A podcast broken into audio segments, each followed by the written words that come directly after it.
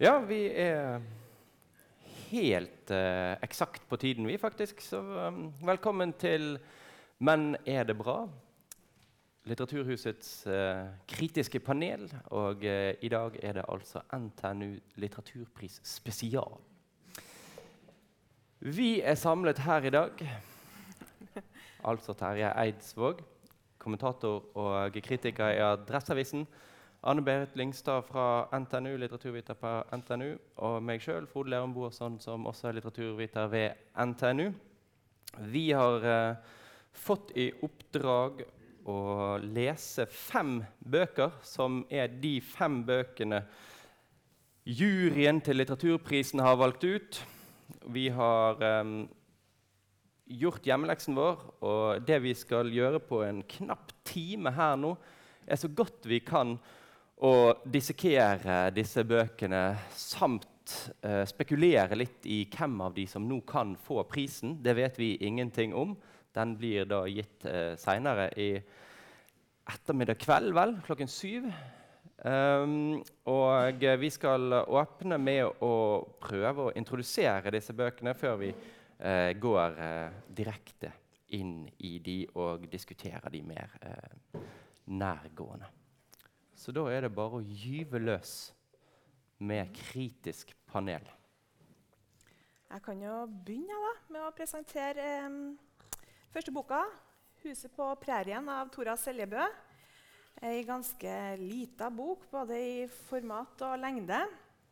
Det er eh, handlinga i boka. Navnløs eh, jeg-person, ung tenå tenåringsjente, som eh, bor da, i et, dette huset på prærien sammen med søster Gloria og mor Margot. Som ikke blir kalt mor i boka i det hele tatt, men kun Margot. Og her er det først og fremst to ting som skaper driv i teksten. Det ene er det elsk-hat-forholdet mellom um, de to søstrene. Søstera til jeg-personen, Gloria, det er hun som er penest, dyktigst, får mest oppmerksomhet. Og Det andre som skaper driv i teksten, er eh, jeg-personens, altså tenåringens, forhold til en voksen mann. Eh, den såkalte hestetemmeren. Så både dette søsterskapet og det ganske tydelige Lolita-motivet eh, tar utgangspunkt i en sånn lengsel etter å bli sett etter å um, bli voksen. Og formen på romanen den har et uh, lyrisk oppsett. Um, veldig lyrisk bildespråk. Sanselig, sensuelt, kroppslig uh, gjennom hele boka. Andre boka som jeg skal si litt om først, det er um, Arild Wange, 'Livet i luftene'. Um, litt sånn um, når, altså, Allerede når jeg leste tittelen på denne boka, kom til tredje ordet 'luftene', måtte jeg begynne å slå opp. Og det stemmer overens med resten av boka. Um, det er ei bok som har ekstremt mange referanser til spesielt mye tysk eh, romantikk og personer fra den tida. Som gjør at du hele tida både av eh, litteraturreferanser og musikkreferanser som du er nødt til å finne ut mer om. Um, det er òg den boka som kanskje er vanskeligst å beskrive i formen. sånn helt kort. Den består av uh, hovedteksten. To deler. En overtekst og en undertekst. Um, lyrisk oppsett i stor grad der òg, uh, eh, og lyrisk språk. Um, overteksten så er det en um, svarttrost som er jeg-forteller. Den svarttrosten gir òg stemmen videre til andre fugler, som er da reinkarnerte reinkarnerte tyske tenkere fra 1700-tallet. I underteksten er det Klara Wiik, en konsertpianist eh, og komponist, som eh, har ordet i en mer sånn dagboklignende form om sitt liv. Om ikke disse to formgrepene var nok, så har vi òg flere ganger i løpet av teksten sånne innstikk av nyoversettelser av eh, tyske forfattere. Så den er den mest eksperimentelle i formen av de her bøkene vi har med å gjøre her. hvert fall. Um, og det skal vi komme tilbake litt til etter hvert.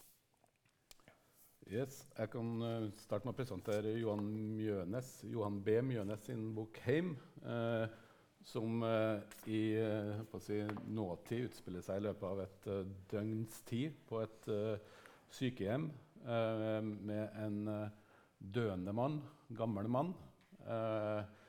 jeg prøvde å regne ut hvor gammel han må være, og jeg fant ut siden han er tenåring under krigen, så må han være 90-årsalderen ser noen anmeldere antyde at han var i 70-årsalderen, men da har, de ikke gjort, har de ikke prøvd å telle etter.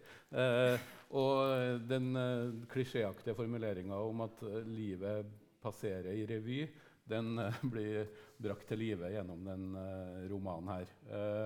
det er en veksling mellom, mellom hans møte med pleiere. etter hvert er han ikke i, i, stand til å kommunisere med dem heller. så han er i en siste fase. Eh, samtidig som eh, eh, viktige episoder fra, fra forhistoria kommer i ikke helt kronologisk rekkefølge. Og, og denne vekslinga er, er, er, sømløst mellom, mellom ganske fysisk beskrivelse av og eldres. Jeg leste tilfeldigvis eh, en anmeldelse av boka her i et sånn magasin for sykepleiere, hvor, eh, hvor anmelderen der eh, var veldig imponert over måten akkurat hverdagen på et sykehjem var, var, var skildra. Hvis jeg skulle oppsummere den boka her i én setning fra boka, så blir det den setningen som er på side 142, som, er, som sier noe om tematikken. I noen år var jeg lillegutten, bror min var odelsgutten, og arven min var ikke her i svarte skogen. Eh, det vil si det, han måtte eh, overta en gård som han ikke var forberedt på å overta. Det er vel i korte trekk et omriss av den, eh, den, romanen for de som eventuelt ikke har lest den. Uh, den neste boka jeg skal presentere, er Carl Frode Tidlers uh, 'Begynnelser'. Uh, det, det, er noen åpenbare paralleller mellom de her bøkene. fordi Den starter også med en mann i 40-årsalderen, sannsynligvis riktignok, som uh, muligens ligger for døden på et, uh, på et sykehus etter et, uh, etter et selvmordsforsøk. og denne boka her har en såkalt omvendt kronologisk fortellerstruktur. Dvs. Si at man, den starter Begynnelsen er, er slutten, eller den er i alle fall nesten slutten. Og så går den eh, tilbake eh, i tid, eh, sånn at vi får avdekka forhistorien eh, kapittel for kapittel eh, i ulike brokker. Eh, jeg har også prøvd å telle tilbake hvor lang tidsspenn den romanen her utspiller seg over. og da kom jeg frem til 35 15 år ca.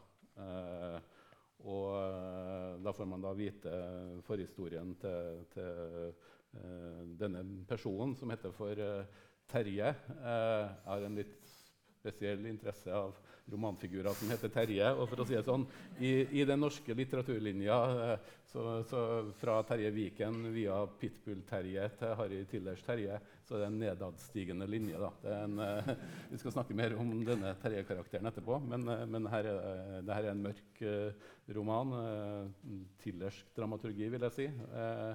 Og eh, vi, vi, får vite bakgrunnen eh, både for hvorfor eh, Ikke nødvendigvis for hvorfor han prøver å ta livet av seg, men også hvorfor han av og til handler helt annerledes enn han sier at han ønsker å handle. Og Sistemann av bøkene er Martin Ingebrigtsen sin debut, faktisk. Diktsamling. Ikke så veldig uh, tjukk bok, men en uh, veldig eh, krevende bok. Vi må lese grundig, og den er illustrert her av um, Ingrid Torvund. Og illustrasjonen peker, skal, peker på en måte inn i det mytologiske. Og eh, jeg syns alltid at eh, det er eh, god grunn til å begynne å se på bøkene før jeg begynner å lese. Og det her jo, gir seg jo ut til å være en helt svart og enkel eh, bok. Men det finnes en illustrasjon som begynner å hvert fall sette mine tanker inn i, i det mytologiske og kanskje mytiske. Eh, boken er delt i fem avdelinger, eh, kanskje. Jeg er veldig usikker på altså, Alt jeg sier om denne boken, er foreløpig eh, tror jeg, et spørsmålstegn bak. Men det er noen slags inndelinger her som ser ut som, kan se ut som et omslag av en bok. Uklart. Men det er noe som skjer i hvert fall på slutten, der det har kommet en sirkel til. Um, det er fem deler, kunne man si. Jeg tror at man kan godt lese både boken som et uh, langdikt, uh, og den kan nok også leses med enkeltstående dikt, men det um, er um, en tematikk som går gjennom de som vi sikkert skal gå inn i, men det ser i hvert fall sånn rent ut som om den er delt i fem. Vi møter en uh, bror, en far, som var et tre som brant i natten. Uh, en uh, mor som koker suppe, men brenner hun òg? Eh, vi møter spøkelser, eller i hvert fall noe som ligner på skjelett og gjenferd. Og fra forlaget jeg måtte undersøke her Det er en bok som peker mange retninger og vanskelig å oppsummere, synes jeg. Den har på ett nivå veldig eh, abstrakt, eh, absurd og mer nærmest surrealistiske tendenser. Samtidig som den er helt eh, bestemt plasserbar på Otilienborg, ved Hoeggen kirke, Ramp, altså her i Trondheim. Og fra forlaget, når man da i nødens time må google og finne er det noen som har funnet ut noe godt å si, så eh, gikk jeg til forlaget som beskriver boken på følgende måte. I Martin Ingebrigtsens debutbok kommer guder og spøkelser på besøk. De hermer etter vertene, de slakter, lager mat og, et, og et. De myrder og stifter brann, de kjøpslår, dør og gjenoppstår, skifter form. Temaet for denne burleske handlinga er likevel allmennmenneskelig. Hvordan former mennesker hverandre? Hvordan ødelegger vi hverandre?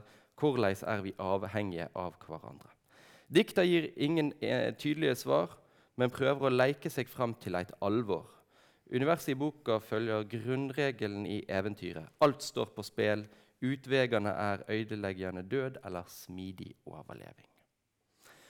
Og eh, man kan trygt si at det er lekende, og at eh, det er mye som står på spill her. Eksistensielle grunnspørsmål eh, tror jeg eh, vaker under ethvert ord. Og den sender oss uh, inn i uh, hva skal man si, gjentatt lesning. For jeg klarte ikke å lese boken bare én gang og skulle si noe meget fornuftig om den, så den har jeg lest flere ganger, og jeg er på vei til å tro at jeg kanskje forstår deler av noe som står her. Men vi skal nå da forsøke å faktisk svare på en del sånne ting. Er det noen bøker som peker seg ut, som vi skal begynne med, eller skal vi Du kan godt fortsette, uh, siden du har uh, lagt opp til uh, dunkel, dunkelhet rundt Ingebrigtsen. Ja. jeg, jeg, jeg syns jo at noe av det som jeg liker i den boka, er at det er under alt det, det mørke. For det er jo en veldig grotesk mørk som omslaget mer enn antyder. Uh, så finner jeg også eh, humor inni det. Mørk mm. humor, riktignok. Mm. Uh, uh, og ved gjentatt lesning så For det er jeg enig i, det trenger den, den diktsamlinga her, selv om den, den, er ganske fortellende også.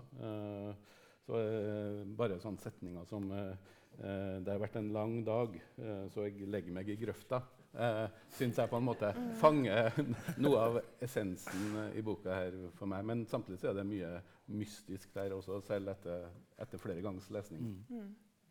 Ja, litt det samme. Jeg hadde vel når jeg begynte å lese den, så tenkte jeg at, eh, at jeg måtte slutte å lese den, la den bort, tok den frem igjen. Kom gjennom boka, tok den frem igjen.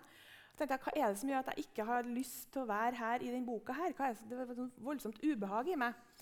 Og da så skjønte jeg at jo, Ann-Berit, er fordi at du liker jo ikke skrekkfilm.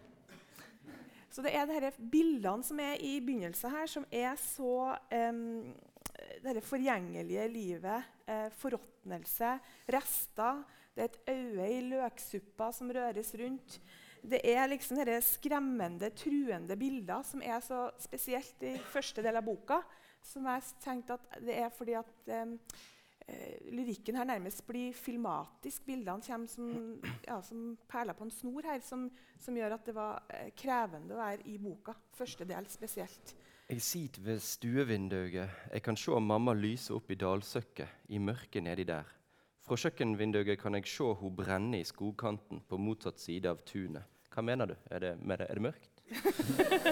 Posen min Ja. Samtidig da skrekkfilm fra Otilienborg. Det, Ja. det, er det er nesten en Ja. eh, contradiction in terms. Ja. Men nå kommer liksom ikke Trondheim sånn tydelig frem i boka før i del to heller. Så når jeg kom dit, liksom, Torbjørn Bratt Sveia, det kjenner jeg meg igjen i. Nå, er vi, nå snakker vi. Nå er vi i et mer sånn uh, urbant univers som jeg uh, heller ville være i enn den denne skrekken i skogen da, som er i første del. Um, den går jo over til å være mer konkret i den eh, Ja, den er vel- kanskje. Ja. eh, den åpner 'Bror min med lys i hovedet, som tyt ut av alle åpninger'. Når jeg forsøker å sove i toppkøya, sier jeg 'Du er ei diskokule, bror'. Vi slåss ofte.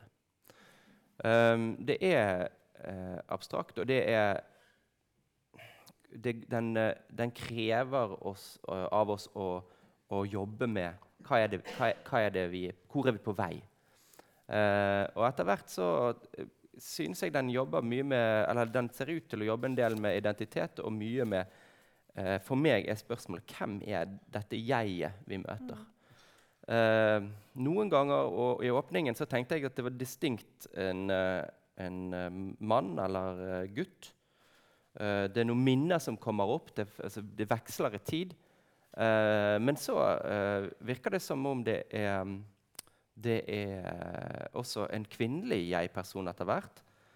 Og det, det her vekslingen i tid det er én konkret Det er nok ganske mange referanser inni denne boken, men det er én eh, konkret og tydelig referanse til Hamlet. Og det siste far min sa før han gikk i oppløsning, var 'hemn meg'. Eh, og eh, det var ikke noe å hemne, bare luft å puste inn. Eh, og det, det både hevnmotivet og eh, eh, Det er en far som brenner, det er en mor som brenner, og det er en bror som, for, som på en måte forsvinner. Det er noe tap som ligger under her. Eh, og det som skjer eh, Far var som et tre som brann om natta, rå eld i skogen, halvveis sett gjennom andre tre. Men vi skjønte hva som skjedde. Broren min reiste seg i senga, holdt seg fast i sengekanten og stakk hovedet helt inntil mitt. Nå, eh, Jeg blei helt blenda. Det er jeg som må være mann nå, sa han. Men du kan fremdeles være bror. Dagen etter var han borte. Eh, sånn, det er noen som forsvinner, og det er noe tap, og det er noen vekslinger, minner, minner som kommer opp. For meg så er, minnene eh, egentlig det sentrale, noe av det aller mest sentrale i boka. her. Eh, eh, og nettopp det, både savn og død og, og mangel, men, men også eh, spissformulert i, i et av versene som er et eller annet sånn jeg, jeg, kom, jeg kommer tilbake noen år senere for å se på minner jeg har satt ut. Mm. Uh, syns jeg på en måte sammenfatter akkurat den der minne, minnebiten, som jeg syns er noe av det som eh, jeg liker best med den, med den boka her. Mm. Jeg tror at uh, disse nærmest barokke motivene og dette momentum mori, for å si det, som utgjør store deler av boka, den, eh, det mikses jo òg med det dette kreative jeget. Um, og jeg liker kanskje de partiene aller best der jeget leker Gud. Altså både sånn, sånn um, fantasimessig og kreativt, men òg ganske sånn konkret i en del leik. Uh, på side 17 så er man ute i skogen, og så, jeg da, og så står det Jeg har gitt dykk dagen til å leve og natta til å dø. Jeg har gitt dykk spirer til fortvilingstreet som blomstrar i månelys. Jeg slipper frukt i morgen, morgensol. Her ved likkjønna skal de bygge en by, tilegna godhet og visdom, sier jeg. Og set blikket i forsamlinga av pinnemenn som står framfor meg. De ser tilbake på meg uten øye, for de trekker seg tilbake til husa sine. Det er jeg som har gitt deg liv. Hvem er denne pinnemannen? Skjelettene, Ja. spøkelser, pinnemenn. Men her oppfatter jeg som disse pinnemennene som rett og slett altså, rollespilleik. Den barnlige rollespilleiken i skogen med kongler og pinner. Og, altså, der er det veldig konkret. da. Mm. Um, og den herre Ja. og eget, som jeg også liker veldig godt, denne delen eh, 'Jeg har gitt dykk dagen'. Altså, det er jo eh, helt klart at det er noen som leker Gud, eller det er en sånn autoritativt jeg som ikke det er eh, i hele, Mm. hele veien her. Mm. Eh, jeg eh, noterte meg også at det, det kommer um, et du eh, inn på side Altså i del to.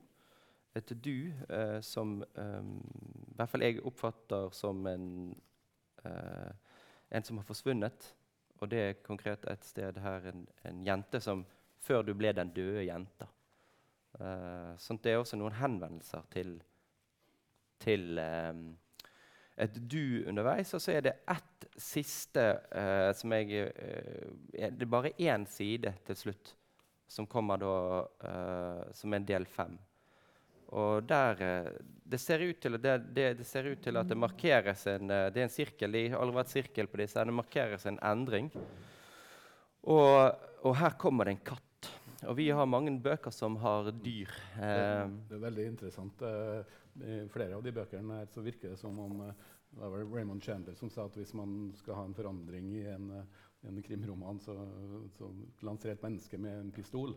Mens her virker det som i NTNUs litteraturprisgrunnlag i år, så er det å lansere en katt. Som jeg syns er, en, et veldig bra grep. Som jeg synes fungerer faktisk i, i begge de bøkene hvor det, hvor det gjøres.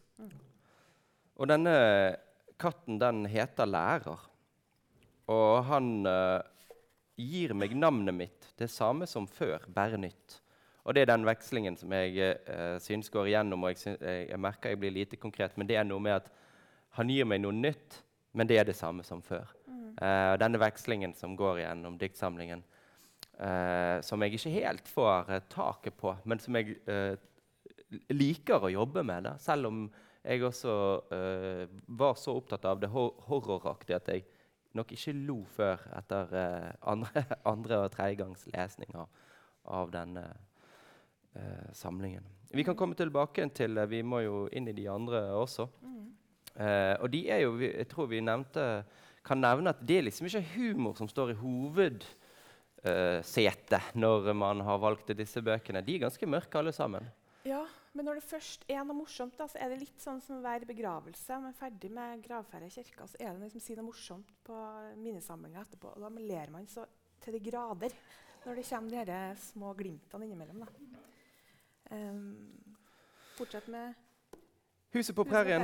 Da er vi også i de mørke. I hvert fall for meg var det veldig mørkt og eh, egentlig eh, vondt. Altså Jeg eh, likte ikke å lese den boken.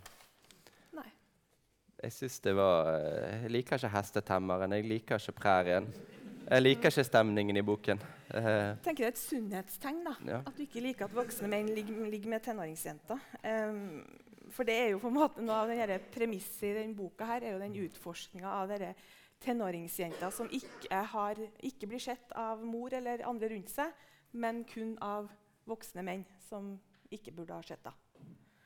Um, og den er så fortetta av så mye lyrisk språk og sterke bilder.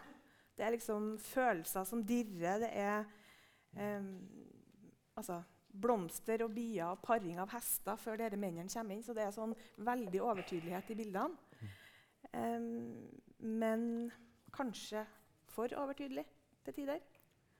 Det, jeg, jeg liker jo denne boka øh, ganske godt. øh, og øh, det blir kanskje nesten litt i overkant med metaf metaforer. Samtidig så jeg, jeg, jeg liker veldig godt dynamikken. fordi at jeg, jeg, vil tro at denne tittelen, og også noe av, av persongalleriet eller landskapet, spiller opp mot den amerikanske barneboka og ikke minst TV-serien Mm. 'Huset på prærien', som rulla over øh, norske skjermer på slutten av 70-tallet. mm. Eh, og den boka her handler jo om alt vi ikke fikk se i, eh, i den TV-serien. Ja. Eh, eh, der var det liksom, Jeg husker ei jente med irriterende krøller og, og en veldig sånn prektig amerikansk familie. Mens Ja. her er det liksom det, det dunkle, det, det, det begjæret. Eh, Ja.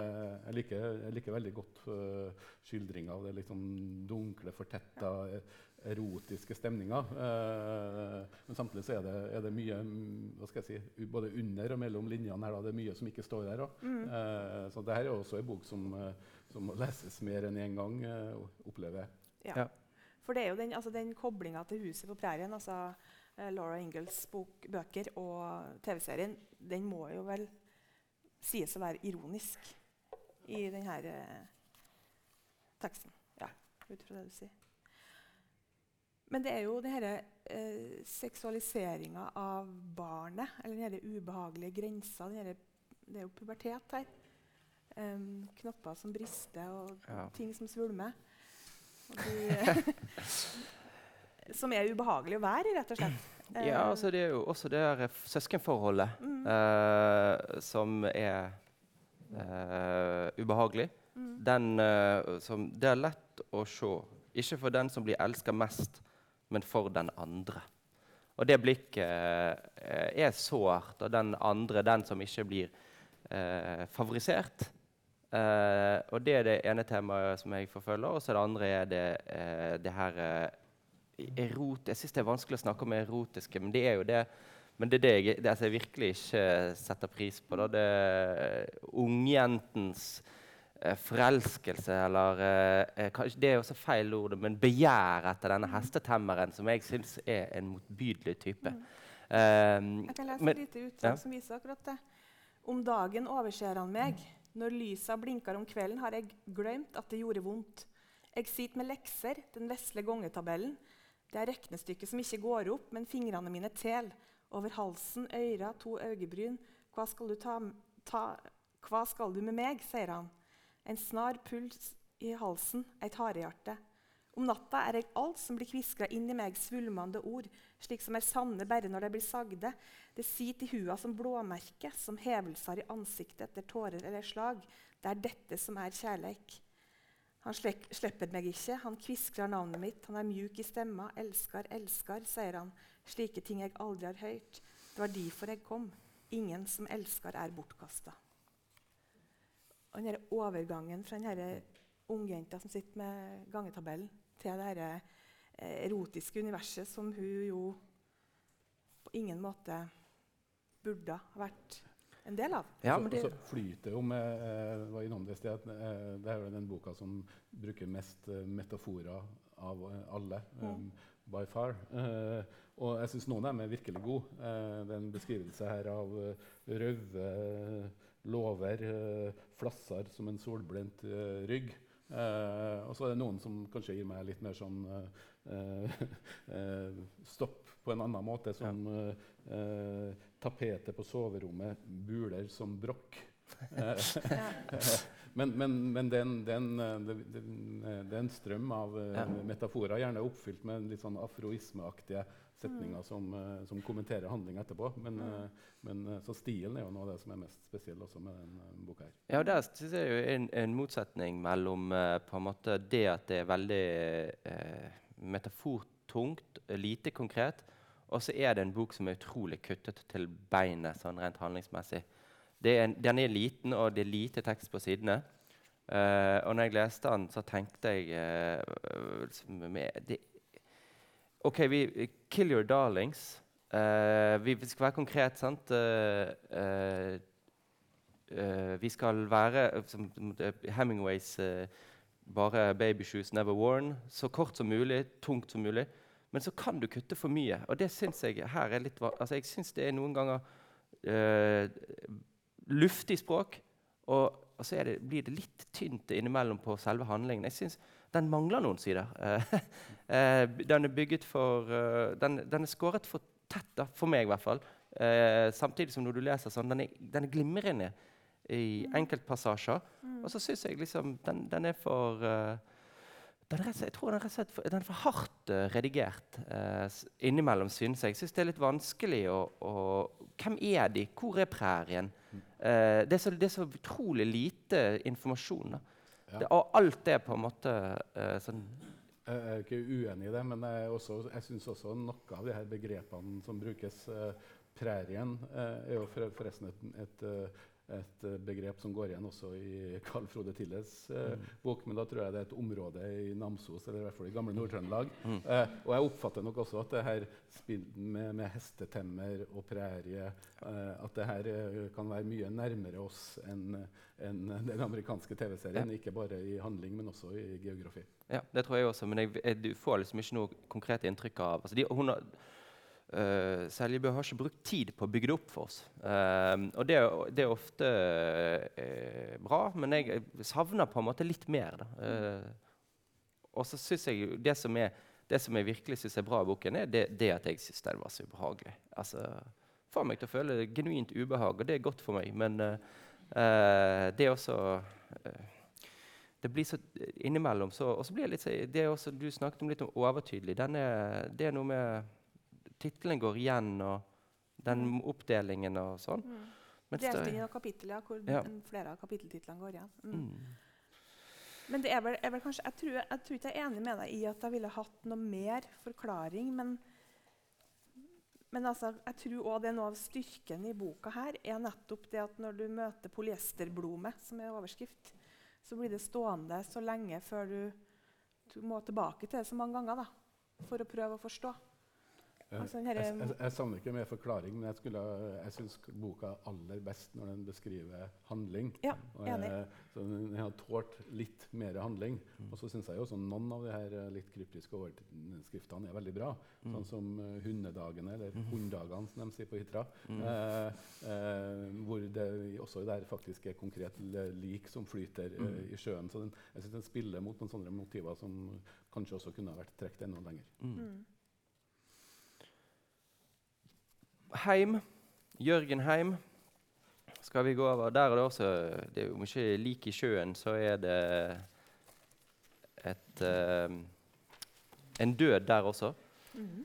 uh, her er det jo mye sånn varme og humor, og, men det er dette dødsøyeblikket da, som du, det er virkelig på en måte klisjeen av at døden I dødsøyeblikket så går, går livet, passerer livet i revy, og vi, vi leser da det livet eh, som gjentas. Så det er én bestemt hendelse som går igjen. Det er to dødsøyeblikk. da egentlig. Ja. Både dødsøyeblikket til den gamle Jørgen og eh, omstendighetene rundt når um, hans bror døde mm. som barn. Mm. Og det virker jo, eh, Når man har lest ferdig og, og liksom løst opp gåten her, så er det jo Uh, helt klart at det er en skjellsettende hendelse som har, som har kommet til å føre hele livet tilbake igjen til uh, Jørgen Heim, som ikke skulle ta over gården. som jeg regnet meg til. Det er litt interessant at Vi blir alle også opptatt, vi blir opptatt av det samtidig. Hvor, hvor, gammel er denne Jørgen Heim? Og jeg mener bestemt at han er 92 år gammel når han dør. Uh, han måtte være en, en der. Og han, hans bror, eldrebror, odelsgutten, dør da i, i barndommen. Det, det, motivet er jo helt likt hvis noen har sett, uh, sett filmen om uh, Johnny Cash. Hans livshistorie hvor, hvor som barn så dør broren, og så blir faren veldig sint på den overlevende og gir et slags inntrykk av at det var feil sønn som døde. Mm. Og det er noe av det samme motivet her i forholdet mellom far, overlevende sønn, og den sønnen som gikk bort. Det, det skinner gjennom at at uh, faren um, egentlig uh, satt mer pris på, den, uh, på, på broren. Mm. For det er han som blir med ut i skogen når de er små, og ikke Jørgen som er hjemme med mor. For han skal jo uansett til Amerika og prøve lykken der, for han skal ikke ta over gården hjem. og så blir det jo nøstet opp. I begynnelsen lurte jeg jo veldig på hva er det for et forhold. så dør broren, og så er selvfølgelig noe av eh, det som boken jobber med, er hvordan dør broren. Har Jørgen eh, skyld? Eh, det er åpenbart at han føler skyld, men han driver også disse, Når livet passerer revy, så, så, er det ikke veldig tydelig. Og eh, han minnes feil ved flere anledninger. Så sier det nei, det, nei, det var ikke sånn. Han, han gikk ikke under isen. Eh, han var i båten. Hvorfor reiste han seg på toften? Eh, og så får vi forklaringen til slutt. da. Eh, hva, hvordan døde han egentlig? Og da, det, da, da blir jeg jo jeg rett og slett blir jeg litt skuffet. For da får jeg vite hvordan denne storebroren dør. Uh, og det, det at dette er så viktig, ikke bare at Han blir odelsgutt. Dette var ikke, dette var ikke liksom livet hans som var pekt ut, men han vugget båten. Når broren reiste seg hvorfor, han, Her har de fått beskjed om de skal ikke eh, reise seg i båten. Og når han gjør det, så vugger eh, Jørgen båten, og broren faller og, og treffer eh, kanten på båten og, og faller uti. Og Jørgen klarer ikke å redde den. Det, det som slo meg når jeg, når jeg leste akkurat rundt det eh, dramatiske dødsfallet, og en underhistorie som handla om hendelser under krigen, som også eh, peker mot noe vennskap og noe familieforhold, eh, så jeg, fikk jeg veldig assosiasjoner til Per Petterson mm. ute og stjele hester. Akkurat rundt den der eh, tre-firkanten der knytta til, til brå død, og hva det gjør med folk rundt etterpå. Mm. Og på, det er også en av de, mest, de 20 årenes mest berømte åpninger, nemlig Knausgårds åpning av Min kamp 1, hvor hjertet for, livet, for hjertet er livet enkelt. Uh, så er det jo helt allerede på første side. Smale hender med hud av gult glass. Hjertet stanser, pusten stanser, blodet slutter å sirkulere, og selene mister, sin, mister eh, sitt oksygen. Så han skriver seg tett opp til eh, Knausgård, syns jeg. Mm. Og så er det jo selvfølgelig at fortelleren ligger her og dør. Mm. Eh, og noe av det som imponerte meg mest med denne uh, boken, er den enormt sømløse og uh, frydefullt elegante vekslingen mellom å ligge og dø og å minne. Mm. Altså, han ligger der, og du skjønner etter hvert at han ikke kan kommunisere med sine pleiere. Uh, han sier ting, men du skjønner at de reagerer jo aldri. Og så gale er ikke det på sykehjemmet at de ikke reagerer. Når han sier jeg er tørst, så får han ikke noe vann, og det irriterer meg. Men så skjønner du at han, han klarer ikke å si det. Uh, og så bare er det denne tørsten. Da, så plutselig er vi inne i minnet om når han var tørst som gutt. Eller når han ligger der og våkner og døser, og så er det blitt lysen faller inn. Så går bare fortelleren over i eh, hvordan lyset i skogen var. og sånn. Ja, da er man jo som en Altså, det er helt nydelig og utrolig elegant. Teknisk gjennomført. Ja, jeg er helt enig i den søm, ja, virkelig, virkelig sømløse overgangen der mellom hvor vi skjønner at vi er hele tida i Jørgen sitt hode, men vi er ikke bestandig vi skjønner om vi er i den faktiske virkeligheten på sykehjemmet, eller om vi er, er tilbake i tid da, i hans liv. Um, men de det du nevner der, Frode, er jo også det jeg syns er mest ubehagelig i denne boka, er jo hans, at han ikke får til å kommunisere med omverdenen. Altså at vi som lesere får innblikk i hvordan det er å ligge der. Eh, trøya som lager klumper på ryggen. Eh, han er så tørst, som han gjentar. Han er så sulten. Han prøver å kommunisere, men de her pleierne snakker over hodet på han om er han terminal. Nei, han er ikke det ennå, men han er helt dement. Han hører, hører han noe hva vi sier? Nei, det gjør han ikke. Og du får vite hvordan denne jeg-personen opplever det å ikke kunne kommunisere tilbake de her behovene sine. Og det var um, ekstremt uh, ja, mm. emosjonelt å lese. Bo, og både Tora Seljebø og, og Ingebrigtsen um, har sekvenser hvor jeg opplever at de beskriver mennesker som kjøtt. Uh, men da liksom uh, ung tenåringsjente og en, en en ung mann. Men her får vi, i hvert fall i den uh, rammefortellinga om den uh, døende, så får vi liksom en, en, en, en gammel mann virkelig. Uh, Huden er som glass. Ja. Og, uh, og det er faktisk fysisk, er, fysisk berørende ja. mm, å lese. Virkelig. Så er den sånn, delt inn med journaler. Journalen til Jørgen Heim. da.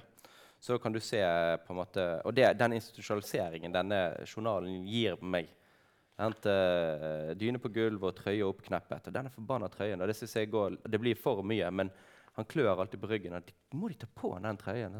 Han, eneste han vil, er å ta den av. Plager han sånn. Men her står det da fire dager uten avføring. Ref tidligere rapport. Gitt 5 milliliter mikrolaks. Altså den, det språket her eh, mot eh, kontrasten mot det han ligger og bare dør og tenker og minner. og... Ja.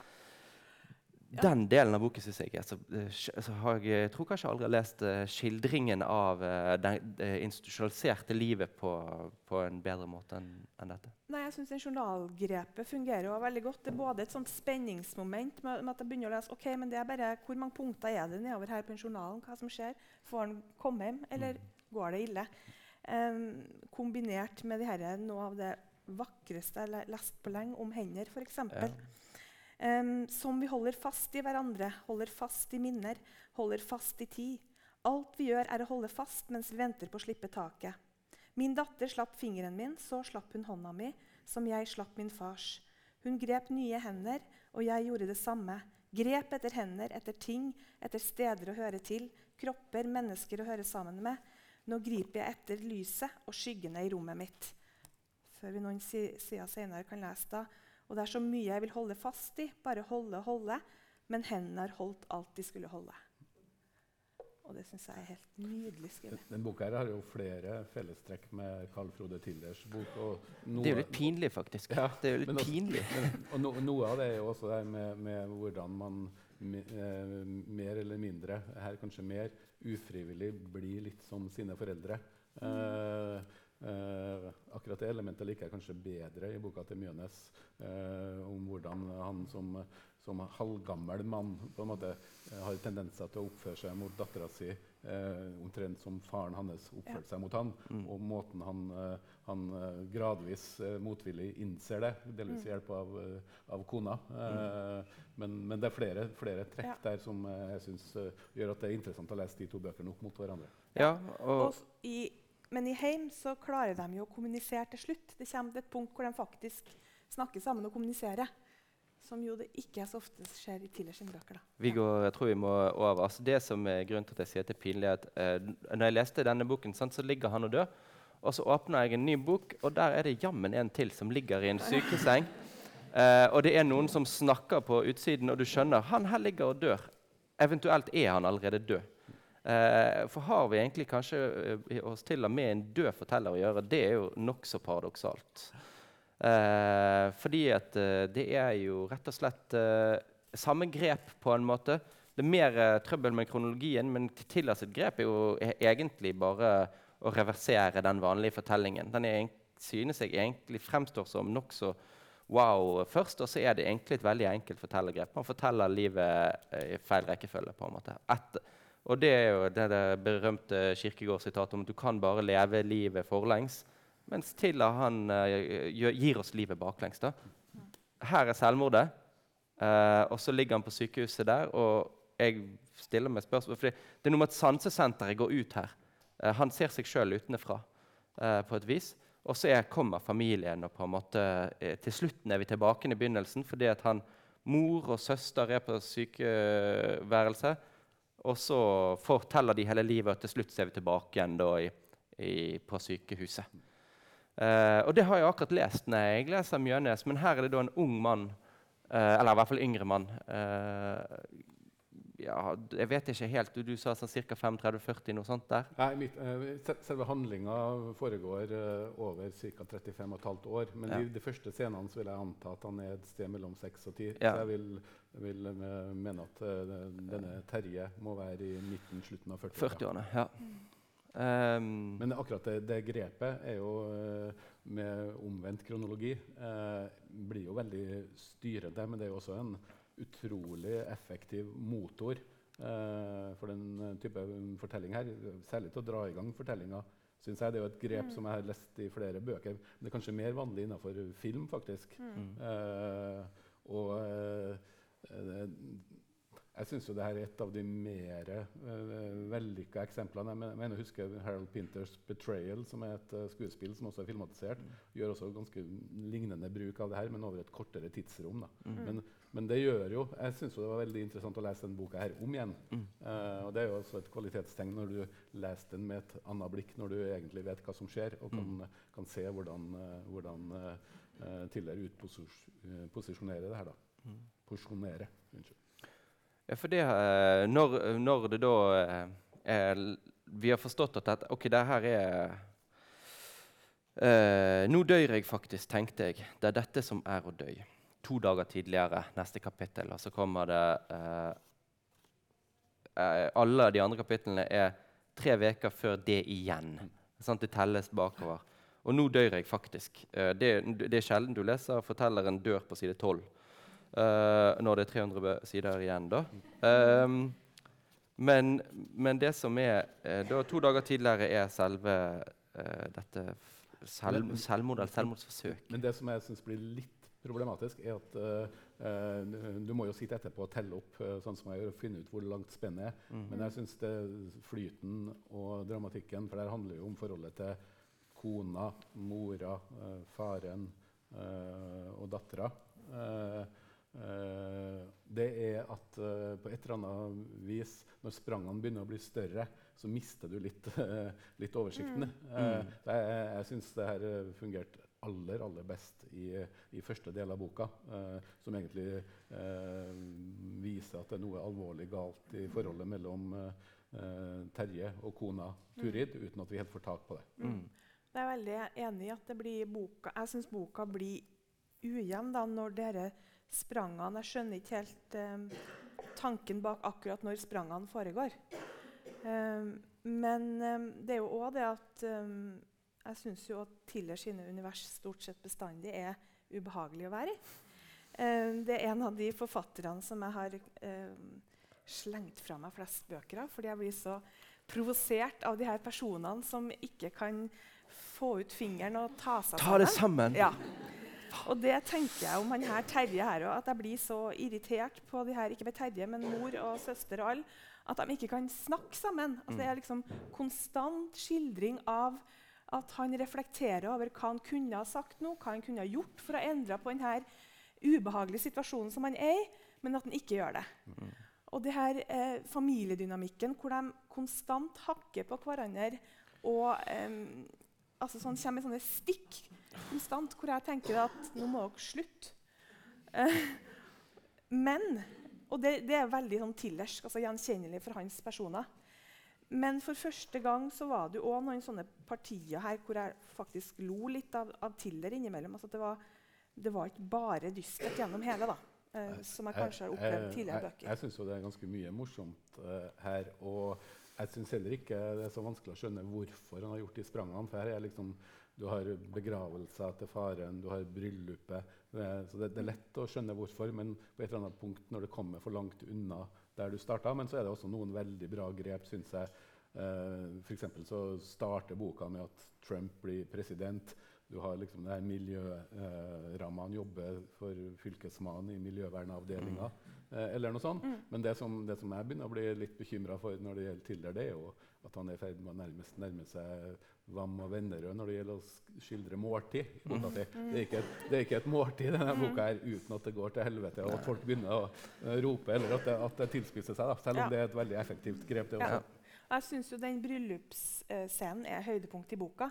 Altså, de, her, de gifter seg, og det er mor som ja, men de drikker seg, eh, Mor som er alkoholiker, da, som drikker seg full, og ei, ei søster som prøver å ta livet av seg i elva midt under denne bryllupsfesten. og han som står og sier og 'Bare forsøk en gang til, du'. Ja. Eh, hvis, hvis, jeg skulle opp, oppsummere denne uh, boka her i en setning, så er det jo når det nærmer seg julefeiring et sted midtveis i boka, så, så sier han Terje da Mens de andre tenker på jul, så sier han av en eller annen grunn så tenkte jeg på mudder. Det opplever jeg litt uh, fanger stemninga i boka. her. Ja, og det er jo rett og slett uh, vanskelig da, når det er selvmord på uh, side 12, å ikke lese boken som et forsøk på å forklare enten selvmorderens psykologi eller hvorfor gikk det så gale. Uh, og det har jeg prøvd. jeg synes at Tiller er en ekstremt teknisk dyktig forfatter. Det, altså det, det her er helt prikkfritt sånn teknisk, synes jeg. Men jeg får ikke så veldig mye følelse etter hvert med Terje. da. Jeg synes, altså Det er en eksperimentell roman eh, på, et, på den gammeldagse måten, syns jeg. Eh, hvis du plasserer en person som har medar, noen nedarvede psykologiske altså Moren er jo, har en psykologisk brist. Eh, og, og, det preger han. Sant? Arv og miljø. Og så får vi Namsos-skildringene og går tilbake til barndommen. Dette er arv og miljø. Hvordan kommer det til å gå med Terje? Han kommer til å kjøre på en lastebil. Uh, og det er sosiologien. Altså det er sosiologen på den ene siden og psykologen på den andre.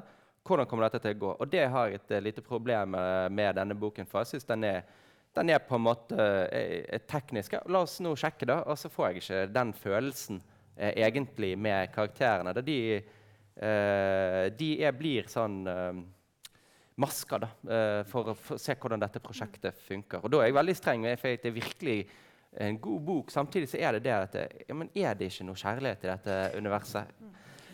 Men om du har da problemer med at jeg, fortelleren, dør på side 12 her. Så har jeg ingen problemer med at, uh, at det blir at for, for, for, minst seks døde jeg-fortellere i Inkarnert i en i en fugl. Altså, det er så så nydelig. Ja. Jeg er helt eh, enig med deg i det. Um, altså, Legg til i den presentasjonen eh, om boka her som jeg eh, kunne ha sagt mer om, om sjanger her. for det er sånt, det er jo helt påfallende mylderet av sjangre i denne teksten. her. Det er jo liksom både biografisk, og det er prosa, og det er lyrisk, og det er fuglebøker, og det er filosofi, og det er ja, innstikk av veldig mye forskjellige teksttyper. Men fungerer ypperlig. Ja, og I begynnelsen så ble jeg sånn Hva er dette for noe? Eh, to fortellinger ble, eh, Det går en tekst oppe og en tekst nede, og jeg eh, ble forvirret. Og så i liksom, attpåtil så er det dette at, eh, at det er reinkarneringen. da.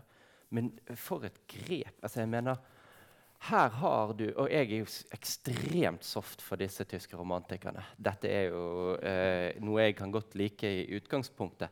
Men da når, når eh, hele ideen i boken, er, eller overteksten, da, er at eh, når noen dør, så er det en eh, svarttrost, eller det som fint her heter eh, amsla, amselen, etter det tyske navnet på en svarttrost, at den bare Når du dør Eller ikke du, da, men eh, når de store tyske romantikerne dør, så er det tilfeldigvis en svarttrost utenfor på, som bare Der tok jeg fatteevna eh, til eh, vedkommende. Og så lever fatteevna videre i 200 år. Og så heter den 'Fortellingssang', og det er på en måte disse svarttrostenes sang eh, av denne fatteevna. Både biografien deres og eh, eh, eh, hva skal jeg si, te tenkningen deres. Eh, og her er vi i et, ikke et mørkt univers. Befriende, eh, livsoptimistisk eh, til tider. Også denne kvinnelige Klara Wiik, eller Schumann, da, eh, i underteksten. Og etter hvert så blir man jo opptatt av hvordan står disse tekstene til hverandre. Eh, og og ja, jeg, blir, jeg blir rett og slett eh, salig av å lese denne boka. Ja, det er den boka av alle de her som ligner minst på noe jeg har lest før. Ja. Eh, og så er jeg- blir jeg jo dyp av respekt eh, for originaliteten og grepet. Jeg syns kanskje det blir i overkant mange tyske og østerrikske romantikere som eh, går litt i, i surr. Eh, så jeg, jeg liker faktisk fuglebeskrivelsene bedre. Jeg Mm. minner meg om ei bok jeg nettopp leste, som kom på norsk i år av uh, en forfatter som heter G.A. Baker, som har skrevet en legendarisk britisk eh, skildring av vandrefalker, hvor han har Mm. gått rundt i Essex i Mm. ti år og skrevet bok om det. Eh, jeg fikk, eh, fikk noen assosiasjoner der, og jeg, jeg liker også veldig godt det grepet om at forfatternes fatteevner eh, opptas av fuglene og synges Mm. ut eh, derfra. Men, eh, men på et eller annet punkt så, så, så blir det blir litt for mange. selv om det er fascinerende å lese om Kleist og Goethe. Og, Mm. og, så de går litt i, i ett for meg, da, men, men, men bevares. Jeg jeg er fascinert. Og så likte jeg veldig godt den uh, fortellinga om pianisten. Ja. Eh, det syns jeg også løfta boka. Helt uenig med deg. Altså, jeg kan ikke få nok av alle disse uh, referansene. Eh, jeg har lest eh, boka altså, flere ganger. Jeg begynte med å lese bare underteksten, altså denne eh, fortellinga om, eh, om Klara Vik. Eh, så gang nummer to leste overtekst sammen med undertekst. Så med å begynne å slå opp i eh, Nei, jeg begynte å høre på musikk i tillegg. Så med å begynne å slå opp tekster. Altså, det er så mange sånne eh, mange veier du kan gå. Da, og den sammenvevinga av at eh, alle de elementene i teksten snakker til hverandre og eh, både utfyller hverandre, men du òg blir liksom møtt med en sånn eh, At de utfordrer hverandre òg. At jeg syns spenninga der i teksten er helt uh, likte jeg veldig godt. Og den koblinga mellom litteratur og musikk som du òg får noen metaperspektiv på litteraturen og språket og musikken i språket innimellom. Og eh, noen helt sånn fantastiske eh, element her om hva, hva en roman skal være, eller hva en tekst skal være, som jeg Mm. liker. Ja, det, det Veldig det, godt. der var det en setning som jeg, det som jeg kanskje likte aller best, og som jeg syns Mm. oppsummer, ikke oppsummerer, men beskriver boka, Mm. egentlig. Eh, der er det vel egentlig Friedrich Schegel sine, sine tanker um, formidla av en jeg husker ikke om det er en måltrost eller en svarttrost. Men, men der er da hvor det står etter hvert mistet jeg interessa for romanskriving. Skulle jeg gi et råd til ei som har tenkt å gi seg i kast med en roman, ville jeg si unngå ethvert system. Bland orden og oppløsning villkjærlig. Eh, og Det syns jeg også beskriver den boka her på en ganske god måte. Ja. Og for å legge til til det på side 128 Alvorlig talt, skal det være noen vits med et kunstverk, må det vise, ut, vise utover seg sjøl.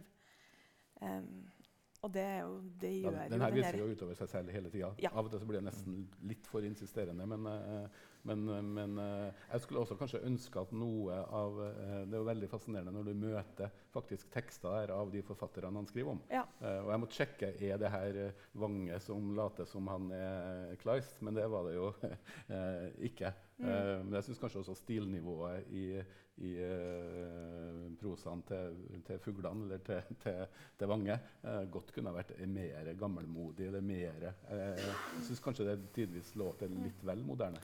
Ja, for Boken er ekstremt utidsmessig, uh, syns jeg. Altså, vi kan se på de andre tekstene. Altså, det løfter løfte bøkene inn i samtidslitteraturen. og så kan tenke sånn, hvor, hvor, passer denne her hjemme? da? En, jeg tenker at Dette er et modernistisk prosjekt det kunne vært, det, det, det kunne vært skrevet i 1930. Uh, eh, det er et dypt uh, høymodernistisk prosjekt. da. Og jeg, jeg, altså jeg ble veldig fascinert, og, og, og, Vange kjenner jeg jo på en måte som oversetter og lyriker. Og, og her uh, debuterte vel med en roman i 1990. og her er det, det er jo sang og fortelling, og det passer bedre enn altså jeg, altså, Er det en roman? Jeg vet ikke om det er så interessant, men jeg tenker veldig på at det er en utidsmessig bok. da. Um, og det liker jeg godt. Mm. Og så liker jeg godt ideen om uh, å forfølge en komponist og pianist. Kulturens musikk og fuglesangen. Mm. Kultur og natur uh, blir for, forfulgt, og det er bare menn. Altså de tyske romantikere. det er bare menn. Og så selvfølgelig kommer Mosil og, og Frans Blei og sånn. Men eh, det å forfølge eh, kvinnen og uh, den underteksten uh, som er jo et feministisk prosjekt, mm. de to står sånn uh, til hverandre at jeg syns at det er en fryd å lese. Mm. Og så tenker jeg en og annen gang at Jeg ble veldig usikker. I begynnelsen tenkte jeg at dette er en unnskyldning for å bare komme med nyoversettelser. for det kommer inn noen tekster Denne burde vært oversatt. Liksom, og vi liker Kleist. Men liksom, så etter hvert så var jeg sånn, nei, det, det, det, Boken hadde stått bedre for seg sjøl. At ikke disse tekstene var liksom sånn kollasj inn. Og så ble jeg litt usikker etter hvert, for det er noen ting som fungerer veldig godt med dem. Eh, særlig da teksten eh, 'Amselen' eller 'Svarttrosten' av Mosil. Mm. Men jeg også syns kanskje at det er noen det, blir, altså, Den står så godt på egne bein. da, eh, mm. at eh, Litt vil jeg kanskje si at noen av de tekstene i hvert fall uh, til dels kunne vært liksom, uh, litt forstyrrende, for jeg vil uh, lese selve prosjektet. Ja, det er enig med deg, for det var noen ganger jeg kom til Å nei, nå kommer det en sånn tekst igjen. Jeg vil tilbake til Vange. Altså at Jeg ja. var litt sånn skumma meg gjennom dere, noen av de innstikkene. Um, du nevner det her, at det er bare menn her i den overteksten. Um, min feministiske ryggmargsrefleks i starten av boka tenkte Og selvfølgelig måtte vi legge på ei sånn kvinne under for å ha med det òg. Men uh, men, um, for å være litt politisk korrekt. Men det fungerer så godt, da. Ja, eh, ja, og det fungerer så godt, den kommentaren på at altså, eh, Klara eh, Vik, Schumann, som jo hadde en mann som var mer mislykka enn hun. Den fortellinga om dem og den dynamikken og det å ta frem um, hun igjen, som jo er en av de mest kjente konsertpianistene vi, vi hadde. Um, som jo lever samtidig som Liszt og Chopin. Og det er dette eh, Kommunikasjonen mellom uh, ulike komponister og ulike tekster og ulik musikk som jeg syns er helt en fryd å lese mm. denne boka. Så hvem bør få prisen, da? Hvem er, det, hvem er, det, av disse som utmerker seg? Er det, eh, er det bra? Men er det bra? Er det noen favoritter? Min stemme går til Vange, altså. Eh, jeg ville nok eh, jeg syns alle bøkene har uh, bra ting i seg. Eh, Vange er nok den mest originale boka, men jeg ville nok ha gitt prisen til Heim hvis jeg, hvis jeg hadde vært et uh, medlem av juryen.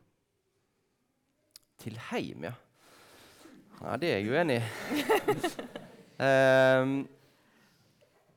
jeg syns jo at det er, det er, først og fremst jeg først så, jeg tror jeg, Nå vil jo tiden vise, men når jeg så denne listen, så tenkte jeg Tiller og så uh, de andre.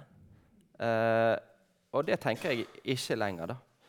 Uh, jeg syns Tiller sin bok er sterk, og det var den kanskje mange ville forventet eller i hvert fall jeg ville forventet at liksom, han har uh, skrevet uh, bøker som har blitt veldig anerkjent. og Det er jo ikke til å unngå at det står nominert til Nordisk råds litteraturpris på forsiden. men jeg også ville, ville nok gitt Hvis jeg skulle sittet i jorden, så hadde jeg argumentert hardt for livet i luftene synes den, uh, og, det, og, det, er oppsiktsvekkende når man prøver å gjøre research, hvor lite oppmerksomhet den boken har ja. fått. Og jeg vi, vi, får se, men jeg ville sett hvis, hvis, jeg hadde vært jurymedlem, så hadde jeg brukt denne prisen til å løfte frem den boken. Ja. når det er sagt, så syns jeg jo at, at det er spesielt at det er en debut med her. Uh, og den, uh, den, peker Har også fått veldig gode anmeldelser. Og jeg, jeg synes at den, den, tror jeg nok jeg må jobbe litt mer med. Da, og det er nok på min side, samtidig som at det er en, en sterk bok.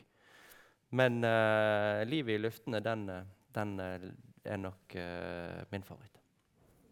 Og da tror jeg Siste ord kan du få. Ja, nei, jeg bare vil si det at det herre um altså det arbeidet som ligger bak denne boka. Altså det er helt vanvittig. Ja, helt um, målløs. ja, målløs, virkelig. Målløs måltrost. Ja. um, som òg ikke bare er imponerende for at det er imponerende, men, men imponerende fordi det fungerer. Ja. At det er så gjennomarbeida godt. Mm -hmm. Takk for oss.